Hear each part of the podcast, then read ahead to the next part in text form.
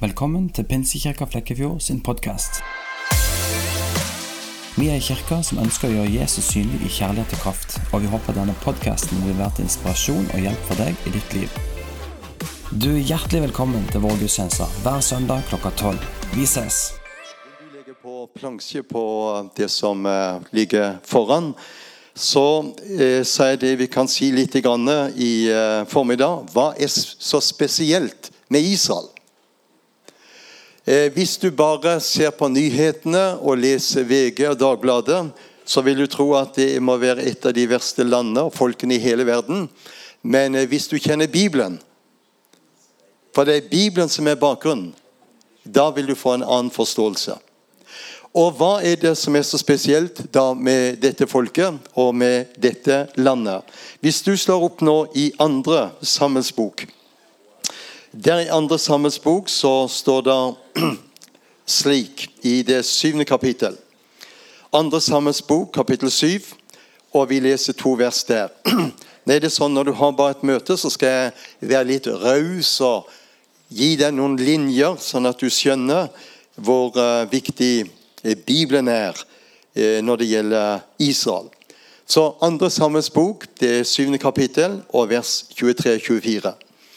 Hvor er det på jorden et eneste folk som ditt folk, som Israel? Det er et spørsmål. Det fins ikke. Et folk som Gud kommer fred ut, så det skulle være hans eget folk. Og hvorfor gjorde Gud det? Jo, sier han. Hvorfor har han tatt ut dette folket? Og det sier han også for å gjøre seg et navn. Og for å gjøre dette store for dere, forferdelige gjerninger for ditt land, for det folks skyld som du fridde ut av Egypt fra hedningefolket deres guder.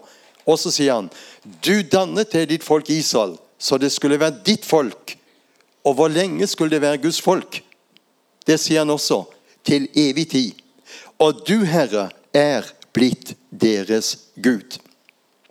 Det vi nå har lest, og eh, Bibelen understreker Gud har tatt ut dette folket og han har tatt det ut for at det skulle være hans eiendomsfolk, og det skulle være hans eiendomsfolk til evig tid. Hvis du ser på plansjen, så ser du bildet av Israel. Det landet der er det eneste landet du leser med i Bibelen hvor Gud sier om dette landet det er mitt land, sier han. Det er ikke arabernes land, det er ikke jødenes land, det er Guds land. Det andre han sier, folket som bor i dette landet Det er mitt folk, sier han. Det sier han ikke om noen andre. Ja, men driver Gud og gjør forskjell på folk? Nei. Det tredje han sier, den byen der Jerusalem, den eneste byen, den er omtalt 800 og ca. 870 ganger i Det gamle og Det nye testamentet. Den byen der, sier Gud i andre Krønikerbok, kapittel 6, vers 6, det er min by, sier han. Mitt land, mitt folk, min by. Hva er det han sier når det gjelder mitt folk? Zakaria i det andre kapittel sier han om dette folket det er min øyensten. Hva skjer når du får noe inn på øyet? Du reagerer. Og da er det jo slik eh, Når eh, du leser de 12-13 eh, første kapitlene i første Mosebok, så møter du bare hedninger. I det 14. kapittel i første Mosebok så står det hebreeren Abraham. Hva betyr hebreer? Hebreer betyr å krysse over. Og det var det Abraham gjorde. Gud tok ut Abraham. Han krysset over Ifra en hedning blir han en hebreer. Og det Bakgrunnen for dette folket er første Mosebok, det tolvte kapittel, vers 1, 2 og 3. Vi skal gå til Nytestamentet. Og Da er det viktig at du er klar over eh, Jeg har vært frelst i så mange år. Eh, til våren i april så blir jeg pensjonist, 67 år. Men jeg har ikke tenkt å gi meg, for det er ikke pensjonisttilværelse i Guds rike. vet du. Vi har fire barn. Vi har svigerbarn, og vi har ni og venter det tiende barnebarnet. Så vi er veldig, veldig rike. Og barnebarn det er liksom desserten. Eh, vi har åtte gutter og ei jente. Og alle guttene de har bibelske navn. Så når vi driver og spiller fotball, så sa naboen når vi bodde borte i Fredrikstad er det bare apostler og profeter på det laget der. sa Så eh, det er jo eh, veldig, veldig festlig. Så det er alltid fra Lukas og Philip og Elias og Jonas og David og osv. Ja. Men skal du høre Hvis du går til Romerbrevet, det tredje kapittel Hva sier han der i de to første versene? Hva fortrinn har da jøden, sier han. Mange sier at jødene har ingen fortrinn. Men nå las vi fra 2. Sammens bok 7 at Gud har utvalgt dette folket. Og det er mange som ikke forstår det, at Gud har utvalgt dette folket. Nå skal vi feire jul. Hvem var det Jesus ble, kom til og ble sendt til? Det var jødene. Det var ikke vi hedninger. Er du klar over det? Det var jødene han kom til. Hva gjorde de? De snudde han ryggen. Og fordi de snudde han ryggen, så fikk vi et tilbud for en tid. Har Gud forkasta sitt folk? Nei, sier han i Romerbrevet 11. Langt derifra. Men jødene som nasjon har vært satt på et sidespor. Hvis du er jernbanemann, vet du, så vet du eh, Går det tog ned til Flekkefjord? Nei. Dere er satt på et sidespor her i Ja, det skjønner du. Nå går det bare fra Sira, så rett akkurat.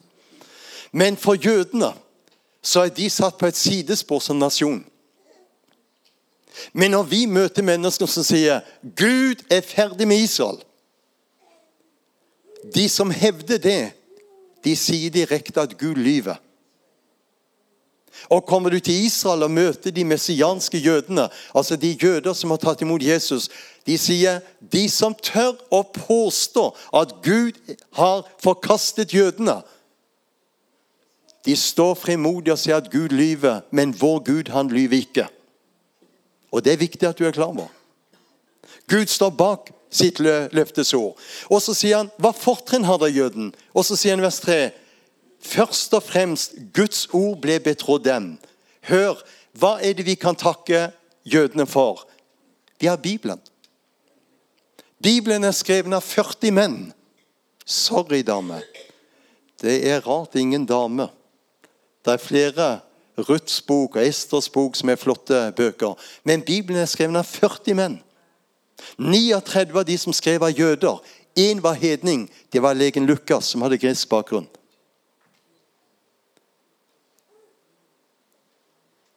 Og så har jeg vært frelst i så mange år. Vi hadde en bølge hvor de sa Gamle testamentet, det gjelder ikke lenger. Og så hadde vi en bølge til som sa de fire evangeliene de kan du glemme. Nå gjelder bare det Paulus har sagt i de 13 brevene han skrev. Hør, hva var det som var Jesu bibel? Og hva var det som var apostlenes bibel? Det var Gamle testamentet. Og vet du hva? Du vil aldri skjønne Nytestamentet hvis ikke du har Gamle testamentet. Og har du ikke Gamle testamentet, har du heller ikke Nytestamentet. En tredjedel av Nytestamentet er ren referanse fra det gamle. Amen.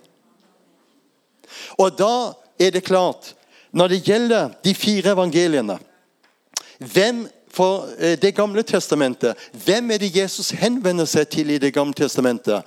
Det er Israel, det er jødene. Det er landet, det er folket og det er byen Jerusalem som går igjen i Det gamle testamentet. De fire evangeliene. Hvem er det Jesus taler til i de fire evangeliene? Det er jødene. Hvem er det Paulus skriver til i sine 13 brev? Det er vi hedninger. Romerbrevet og Galaterbrevet er de to sterkeste lærebrevene vi har. Romerbrevet handler om frelse og rettferdiggjørelse. Og Paulus han skriver romerbrevet, de åtte første kapitlene går på vi hedningers frelse og rettferdiggjørelse. Men Paulus kunne ikke skrive romerbrevet og glemme jødene. Derfor leser du Romerbrevet 9, taler om Israel i går. De hadde fedrene, løftene, paktene, gudstjenesten. Og så står det fra dette folket kom Jesus etter kjødet.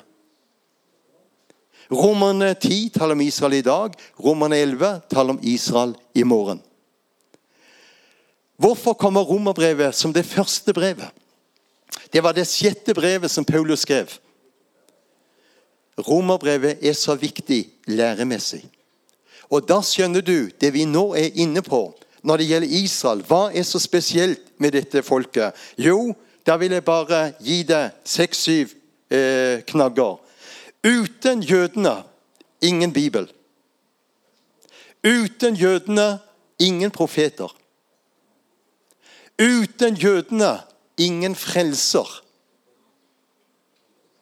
Uten jødene ingen løfter. Uten jødene ikke noe håp. Uten jødene ingen framtid. Dette folket har gitt oss alt. Og vet du hva? Når jeg reiser rundt, så møter jeg jo mange mennesker, for jeg reiser inn i alle vårt lag. Og det er jo veldig interessant, for når jeg reiser rundt, så møter jeg mennesker som sier jeg er glad i Jesus, men jødene kan jeg ikke fordra. Så sier jeg der må du se å komme på kne, så skal jeg be til Gud for deg, sier For hvis du er glad i Jesus, så blir du glad i jødene. Vi har som sagt bodd en del tolv år i Fredrikstad. Og Der borte i Fredrikstad så har de hatt oasestevne i flere år. Og For fire år siden, eller fem år siden er det vel kanskje nå, så inviterte de ei arabisk bønnekvinne. Og denne arabiske bønnekvinna på oasestevnet hun sparka skikkelig på leggen mange som fikk aha-opplevelser. Når hun gikk fram på talerstolen, så fortalte hun at Gud hadde gitt henne en tjeneste. En bønnetjeneste. Og hennes bønnetjeneste det var ikke sånn fem-ti minutter. Hun kunne ligge i timevis og be til Gud. Så sier hun en dag jeg hadde bedt, og hun hadde vært i mange timer i bønn. Og hun avslutta bønnen med 'Jesus, jeg elsker deg. Jeg er begeistret for deg. Du er alt i mitt liv.' Og så fikk hun en røst som sier 'Det er ikke sant'. Hun var bare alene i rommet. Hun kikka opp og hørte røsten så tydelig. Så hun sa jeg må ha hørt feil. Så hun gjentok det siste. 'Jesus er glad i deg, begeistret for deg. Du betyr alt i mitt liv.' Og så fikk hun svar igjen. 'Det er ikke sant'. Og da stilte hun spørsmålet her er det deg. Hvorfor er det ikke sant at jeg er virkelig glad i deg? Og da fikk hun svar. Du hater mitt folk, jødene. Og vet du hva? Hun sa det var sant. Jeg er araber. Jeg vokste opp med et utrolig hat mot dette folket. Dette hatet gikk ut på at alt som gjelder Israel, har løfter i Bibelen Gud er ferdig med dem. Alt er overført til kirken og menigheten. Og jeg kunne ikke fordra jødene, sa hun. Jeg var vokst opp med dette. Vi var indoktrinert på skolen fra barnehage opp igjennom. Så dette var min innstilling til landet Israel, og selv og hun bodde i Nasaret. Jeg hata de som pesten. Så ser hun den formiddagen så rista Gud meg så skikkelig. Og jeg gråt i timevis og jeg måtte be om tilgivelse for min innstilling og mitt hat. Og den dagen når jeg begynte å lese Bibelen, så forsto jeg jo at Bibelen er en jødisk bok. Plutselig så dro Gud til side sløret, og jeg begynte å takke for hva vi har fått ifra dette folket. Og vet du hva som skjedde? Jeg sammenkalte arabiske pastorer og fortalte hva jeg hadde opplevd. Og de gråt sammen med meg. Og Resultatet ble at vi inviterte israelske, jødiske, messianske pastorer og ledere. Og vi kom sammen, og resultatet ble vi arabere gråt. De jødiske pastorene gråt. Vi omfavna hverandre. Vi ba hverandre om tilgivelse. Og så tok de arabiske pastorene fram vaskevannsfatet, og så vaska de de jødiske føttene. Og så hadde vi nadværstund, og så sier hun fra å ha dette utrolige hatet I dag, sa hun, så står jeg i en forsoningens tjeneste og bygger bro mellom jøder og arabere, for vi er jo ett i Jesus. Amen. Og Da er det veldig viktig å være klar over når det gjelder dette folket og dette landet, så vet du Bibelen Og når jeg møter mennesker som sier det at uh, når det av og til annonseres Israel-møter, så møter jeg mennesker som sier kan ikke fordra Israel-møter. Og Jeg er jo vokst opp der på Lindesnes og er vant til å stå i bløsten. Jeg liker å sparke litt ifra meg, da, litt på tærne til folk og tråkke litt skikkelig. Og vet du hva jeg sier? De som er imot Israel-møter. Alle møter vi har, er Israel-møter. Og hvordan kan du si det, da, sier de. Hver gang du åpner Bibelen, da er du på Israel-møte. Ber du Fader vår, da er du på Israel-møte. Det er en jødisk bønn. Sier du halleluja? Det er et jødisk uttrykk som kommer av ordet juda. Og ut av ordet juda har vi fått ordet jøde, og det betyr lovprisning. Er du enig i det som sies, og sier amen, så er det et jødisk uttrykk som betyr det er sant, det står fast, det skal skje. Når det lyses velsignelse, om det er den aronittiske eller paulinske velsignelsen, da er du på et Israel-møte. Er du klar over det? Så det er en veldig uvitenhet, og det er da det er viktig at vi setter dette veldig i kontekst. Og da ser du, når det gjelder dette landet her, så ser du det du peker på nå. Det området som de sier Vestbredden. Det ligger på vestsiden av Jordan. Her heter det Judea. Dette heter Samaria. 90 av alle stedsnavnene i Bibelen er henta fra det lille området der. Her har det bodd jøder i 3850 år. Det er urbefolkningen. Og Da er det viktig at du forstår Nå skal jeg gi deg tre knagger til. Det er tre områder som djevelen jobber aktivt i dag for å ødelegge. Israel. Hvorfor er Israel så i fokus i dag? Og hele verden fordømmer dette folket og dette landet. Hvorfor? Fordi det er jødene som stadfester Bibelen. Fjern jøden, og du fjerner Gud. Så tydelig er det. Fjern jøden, og du fjerner Gud. Det er jødene som stadfester Guds eksistens. Og Nå skal jeg lese noe for deg. Innenat hva eh, eh, Mark Train sa i 18... Eh, rundt 1880 eh, så sier Mark Twain, denne engelske forfatteren, eller amerikanske var han vel egentlig, så sier han den egyptiske, babylonske og persiske rosen fylte jorden med lyd og prakt, for så å svinne hen. Alle ting er dødelig, skriver Mark Twain, bortsett fra jøden. Alle andre krefter forsvinner, men jøden forblir. Hva er hemmeligheten til jødens udødelighet? Det er Gud. Er du klar over det?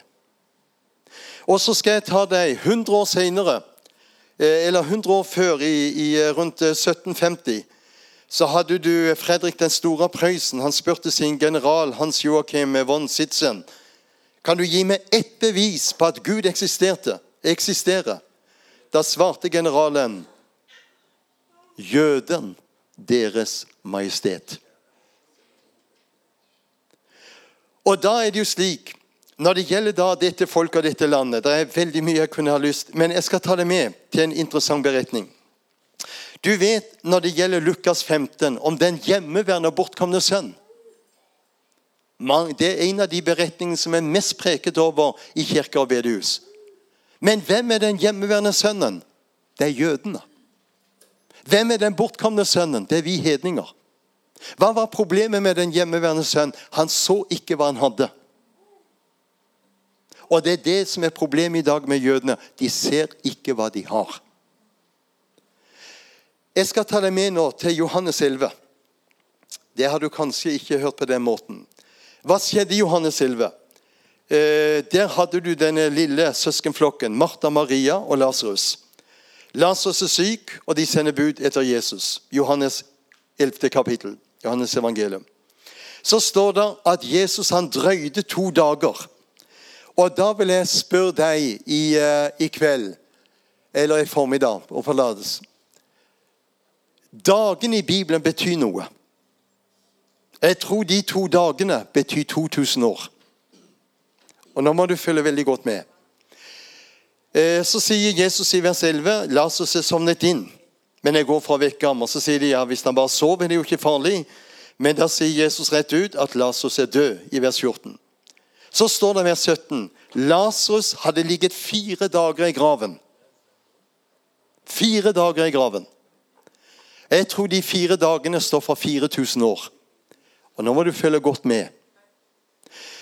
Hvis vi hadde gått til første Mosebok, det tolvte kapittel Ifra Abraham Se her, der jeg har pilen. Hvis du regner Abraham der Ifra Abraham og fram til Jesus kom, hvor mange år gikk der? To dager eller 2000 år? Ifra Jesus kom og fram til i dag, og mange dager det har gått? To dager eller 2000 år? Fire dager lå Lasos i graven. Ifra Gud utvalgte Abraham og fram til i dag, altså de fire dagene eller 4000 året Enda i dag, etter 4000 år, er ikke jødene kommet inn i den planen Gud har med dem. Er du klar over det? Det skal først skje her, i tusenårsriket. Da er det jødene som skal fullføre misjonsoppdraget. Og tenker tenk jo på Glenn, som er i Sarensdal. og Jeg underviste jo en del år der på bibelskolen og kjente jo Arild veldig godt. Og Arild var veldig opptatt av misjon. Men husk på det, det er jødene som skal fullføre misjonsoppdraget. Det er viktig at du er klar over. Hva står det i Apostelens gjerninger igjen? Er det på den tiden du skal gjenreise riket fra Israel? Hva svarer Jesus da? Det tilkommer ikke dere å vite tider eller timer som min far har fastsatt, men dere skal få kraft idet Den hellige ånd kommer over dere. Og så vet du det som skjedde på pinsedag. Det er menighetens startdag. Menigheten ble grunnlagt på Golgata, men det kom liv i menigheten på pinsedag. Og Da snakker vi om menigheten i den første tid, som var pinsedag, og vi hører til menigheten i den siste tid. Det er den samme ånd som har vært i menigheten i 2000 år. Så Vi snakker ikke om den første eller siste menighet, vi snakker om menigheten i den første tid, pinsedag, og vi hører til menigheten i den siste tid avslutningstiden. For det er den samme ånd som har vært i Guds menighet. Og da er det slik Når da Jesus kommer til eh, Betania, så blir han møtt av Martha. 'Hadde du bare vært her.' Hva svarer Jesus da i vers 25? 'Din bror skal oppstå.' Hva er det Martha sier? Ja, i oppstandelsen på den siste eller den ytterste dag. Her skal han stå opp. Nei, sier Jesus. Jeg er oppstandelsen av livet. Den som tror på meg, skal leve om han en dør. For en hilsen han kommer med. Og så kommer Maria og sier akkurat det samme. Og så står det i vers 35 Jesus og alle de jøder som var der, og de satt og gråt. Når jøder er i sorg, hva gjør de da? Da setter de seg på gulvet. Det heter de sitter skiva. Og Kommer du inn i et hjem hvor de har, eh, har, sorg, så setter du deg på gulvet sammen med de som sørger. Og Jesus gråt. Så går Jesus til grava, og når Jesus kommer til grava, så sier han 'ta steinen bort'. Og det første Martha sier i vers 39 Han stinker allerede. Det var lite han tro hun hadde. Så han har sagt han er oppstandelsen av livet. Og så sier han han stinker allerede. Hva er det Jesus sier i vers 40? Sa jeg deg ikke, Martha, at dersom du tror, skal du se Guds herlighet? Og så tar de steinen bort, og likstanken slår imot dem. Og så ber Jesus en liten, kort bønn hvor han takker Faderen, og så gjør Jesus noe. Han roper med høy røst. Hadde Jesus ropt 'kom ut', hadde alle de døde i Betania kommet ut. Det hjalp bare Lasers. Lasarus kom ut, så kommer den døde ut. Plutselig er likstanken borte. Fire dager i den varmen, skal jeg si, da går det fort. Likstanken er borte, og det blir et mektig under. Det vi nå har lest Lasarus er et bilde på jødene. Og nå skal jeg gi det en parallell i Det gamle testamentet til Lasarus. For Skrift må forklare Skrift. Og det står i Esekel, i det 37. kapittel.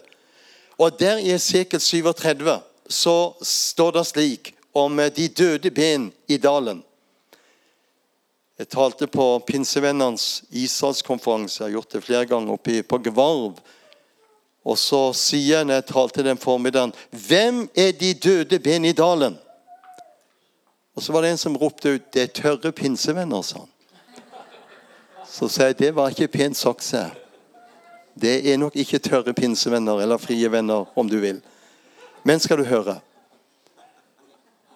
Når du leser da i Esekel 37, så står der en dal som var full av tørre ben. Og så ble det en veldig larm. Og jeg skal si det ble en veldig larm i 1948, når Israel ble gjenoppretta. Den larmen har ikke blitt mindre. Bena var spredt utover et stort område. Det viser jøder som har vært spredt utover hele verden. Og så kommer det en larm, og så nærmer disse benene seg til hverandre. Og så trekker det seg sener og kjøtt over, og så blir de et legeme. Og så står det i vers 8 ånd var det ikke i dem. Og så står det i eh, vers 11 i Esekiel 37 Disse ben hele Israels hus. Og så står det vers 12. Se, jeg åpner deres graver. Som grava steinen fra en Lasers grav ble tatt bort, så åpner de gravene. Og hvem er det som har vært skjult i graver over hele verden? Det er jøder som har måttet skjule sin identitet. Er du klar over det? Mange jøder her i Norge har måttet skjule sin identitet også i dag. De tør ikke vise at de er jøder på skolen. Barna på, på, på barneskole tør ikke gå med keeper eller noe symbol. De er helt nøytrale. Og jøder over hele verden de har vært som i graver. Men så står det 'Jeg åpner deres graver, la dere stige opp av gravene, og jeg fører dere til Israels land'. Og så står det i vers 13.: Dere skal kjenne at jeg er Herren når jeg åpner deres graver og lar dere komme til Israels land. Og vet du hva? Kommer du ned til Israel Hvor mange har vært i Israel som er her i formiddag? Ja. Da har du vært på Holocaustmuseet. Når du går ut av Holocaustmuseet, så er det en svær betongbue som bussene kjører under. På den betongbuen så står det skriftstedet her fra Esekel 37. Hva står der? Se, jeg åpner deres graver, la dem mitt folk stige opp av gravene. Her i vers 12. Eh, og jeg fører deg til Israels land. Det står på hebraisk, og det står på engelsk. Jeg pleier å si til, til gruppa se hva som står der. Et tydelig bevis på hva vi nå opplever. Hvordan Gud drar jøder fra hele verden. Og i dag er det kommet jøder fra 130 nasjoner som er bosatt i Israel. Og vet du hva? Gud er Gud. Tenk på det. Jøder har vært spredt over hele verden.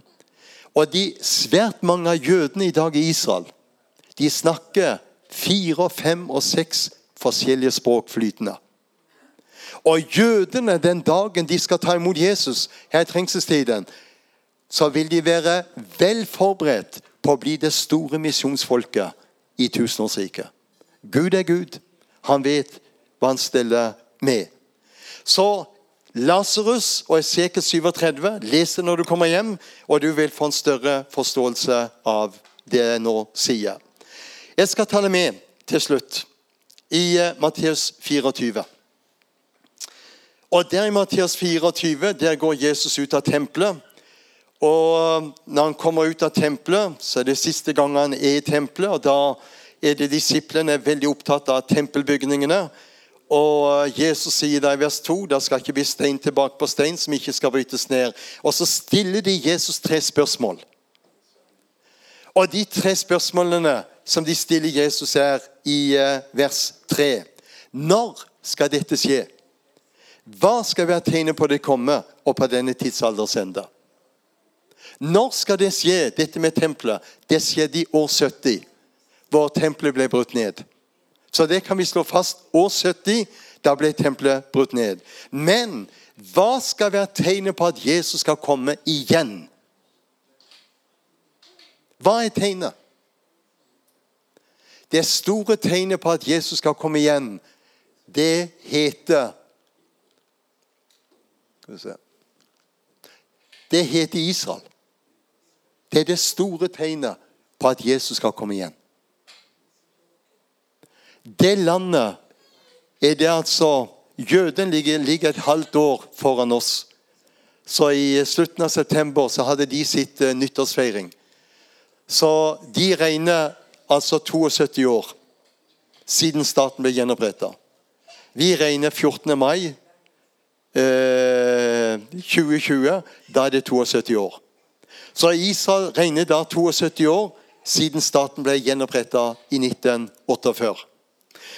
Og da ser vi når det gjelder dette landet Hva var det i dette landet for 100 år siden?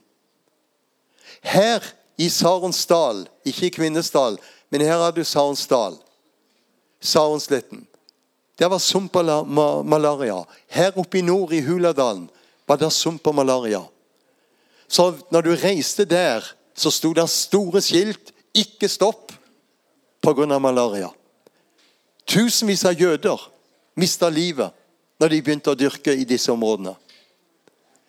Men Israel er i dag den ledende nasjonen på alle områder i verden. Hørte du? Alle områder i verden. De er de beste på high-tech. De er de beste på kunnskap. De er de beste på vitenskap. De er de beste på jordbruk. De er de ledende på absolutt i kunst og kultur. Og dette lille landet hvor det bor 9,2 millioner i dag 7 millioner av de som bor i dag, er jøder. 1,7 millioner er arabere som er i dag israelske statsborgere. Så har du drusere, beduiner og en del andre. Men de syv millionene som bor av jøder i dette landet, de velsigner syv milliarder mennesker med sin kunnskap, med sin økonomi, med sin vitenskap på verdensområder. Er du klar over det? Ja, men er det alt Israel gjør som er rett? Nei. Israel er ingen kristen nasjon i dag. Det er en sekulær nasjon. Men det er jødedommen som preger dette, dette landet når det gjelder styresett osv. Så, videre. så jødene de følger veldig Bibelen. Husk på det. Jødene de begynner dagen om kvelden, og vi begynner dagen om morgenen.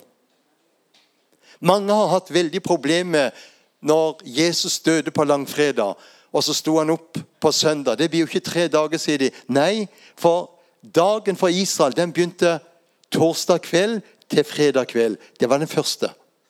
Fra fredag kveld til lørdag kveld var den andre. Og fra lørdag kveld til søndag det ble tredje dagen. Men jødene har bare navn på én dag. Det er fredag kveld til lørdag kveld. Det er sabbat.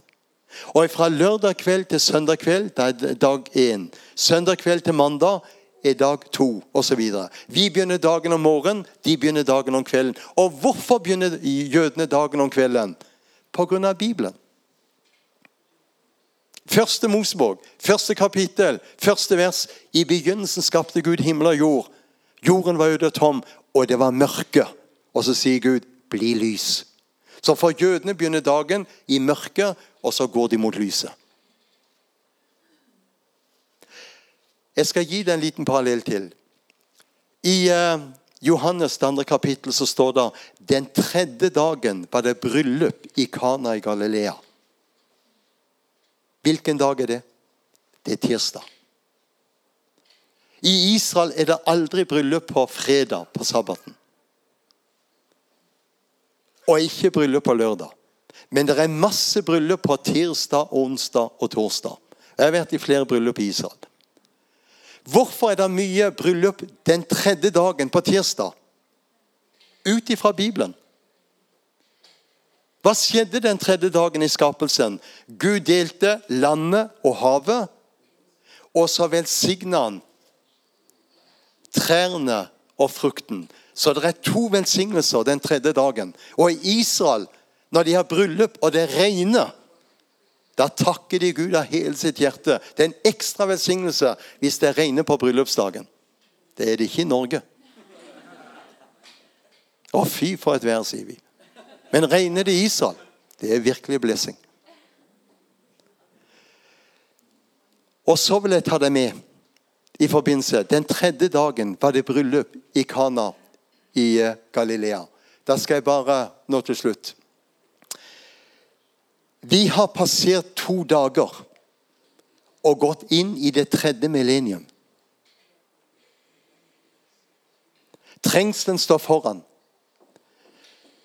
Men jeg vil si til deg, hvis du leser Hoseas, det sjette kapittel, så står det etter to dager skal han gjøre oss levende. Altså på den tredje dagen skal han gjøre oss levende. Og det vi ser i dag i Israel, er det at mange jøder kommer til tro og venner seg til, til eh, Jesus. Hva lar mye av dette ligge? Løsningen i Midtøsten, det er Jesus. For å forstå Midtøsten så må du forstå det utrolige hatet som går tilbake mellom Isak og Ismael. Når Isak ble født, så ble Ismael veldig vred. Så Ismael han begynte å tyrannisere Isak med en gang. Han ble sjalu. Og sjalusien er veldig stor i dag fra den arabiske verden mot, eh, mot jødene. Og hva er det som skjer? Sara sier til Abraham nå får du sende Hagar og trellekvinnens sønn Ismael. Jeg vil ikke ha de her. Det er bare spetakkel både med Hagar og, og, og med, med, Isak. Jeg vil ikke ha de her. Da må du være klar over Sara hadde ingen morsfølelse for Ismael. Men Abraham hadde en veldig følelse for sønnen. Han var tross alt far. Den dagen Abraham leser på muldyret, og Hagar og Ismael reiser ifra Abrahams hus Den dagen mista Ismael bror sin. Han mista far sin, og han mista sin fars Gud. Er du klar over det? Og hva skjedde da? Jo, det er et rop i dag fra 350 millioner arabere. Et rop blant ørkenfolkene. Sett mitt folk fri fra islam. Sett mitt folk fri fra forkastelse. Sett mitt folk fri fra slaveriet. Hva er løsningen, da? Jo, løsningen Isak og Ismael. Du leser i 1. Mosebok 25. Når Abraham døde, så kom de sammen. Det var døden som forente dem. Og hva er det som forener jøder og arabere? Det var det som skjedde på Golgata kors. Så det er korset som er løsningen i Midtøsten. Det midterste korset, han som døde for all verden sin. Det er bare Jesus som kan røre ved harde og kalde frosne araberhjerter og harde, kalde jødiske hjerter. Og når Jesus kommer til, så smelter han. For hva var det han gjorde? Han gjorde jøde og araber, jøde og hedning, gjorde de til ett. Brøt ned jernskillevegg, fiendskapet. Og hva gjorde Jesus? Han kom og forkynte fred. Så det Tove innledet med Det er bedre å tenne lys enn å forbanne mørket, hvor sant det er. Vi er kalt til å være Jesu ambassadører i Flekkefjord og invitere mennesker til Jesus Kristus. Og tenk hva som skal skje den dagen jødene venner seg til Jesus og blir frelst. Det blir mektig. Ja, nå skal jeg avrunde. Det var egentlig bare en liten innledning. og Du skjønner det er mye å, lø å, å løfte fram. Men eh, nå håper jeg du har fått en liten pekepinn. Hva er spesielt med Israel? Alt er spesielt. Men dette folket fikk veldige løfter, og dette folket har svikta. Og for det de har svikta, har de gått igjennom mye lidelser som ingen andre nasjoner. Vær klar over det. Til slutt så kan jeg bare gi deg Det er litt interessant. Hvis du slår opp nå i 5. Mosebok, er du klar over at til og med gasskamrene under siste verdenskrig de er beskreven i Bibelen? Ja, Står det om gasskammeren i Bibelen? Ja, det gjør det. Når du leser 5. Mosebok 28, leser du om alle velsignelsene folket skulle få. Men når du leser videre i 5. Mosebok 28, leser du om alle forbannelsene. Og ingen nasjon har gått igjennom så mye lidelser. Hør hva det står i 5. Mosebok 32. Så taler han om i vers 22 en ild er opptent i min vrede og brenner til det dypeste dødsriket. Og så sier han vers 23 jeg skal samle ulykke over folket mitt. Alle de piler vil jeg bruke mot dem. Og så sier han de skal utsuges av sult, fortæres av brennende feber og giftig joft. Eh, sått han vil jeg sende imot dem, og eit oss av ormen som kryper i støvet. Og så kommer gasskamrene. Ute skal sverdet. Der hadde du krigen som raste. I vers 25. 5. Mosebok 32, vers 25. Så står det 'inne i kamrene'. Hva skjedde inne i kamrene? Skal redsel bortrive både unge menn og jomfruer? Det er dine barn og den gråhårede mann. Helt bokstavelig der inne i gasskamrene. Hvilken tragedie. Seks millioner tatt av dage. En og en halv million barn og fire og en halv million voksne mennesker.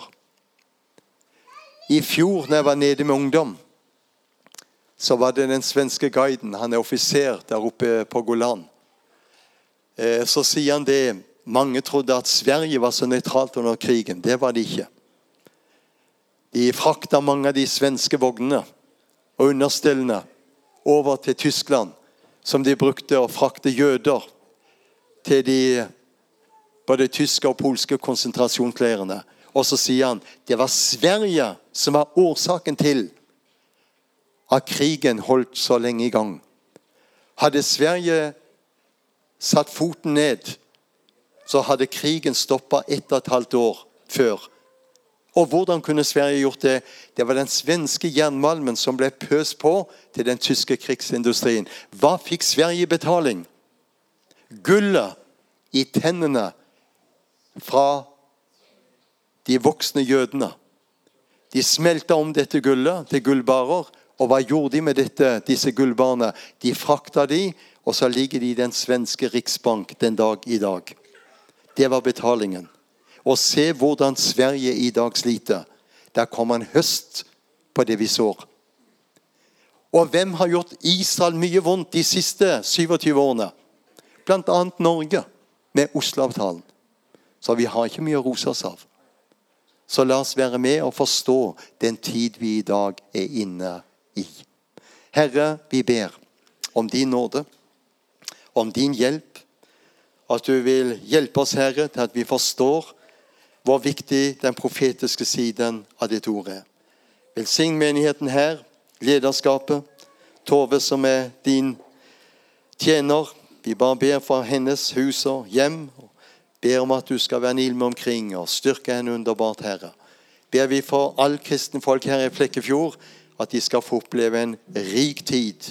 La det nye året som ligger foran, bli et innhøstningsår over Flekkefjord. Av bønnebarn, av frafalne, av hjemmesittere.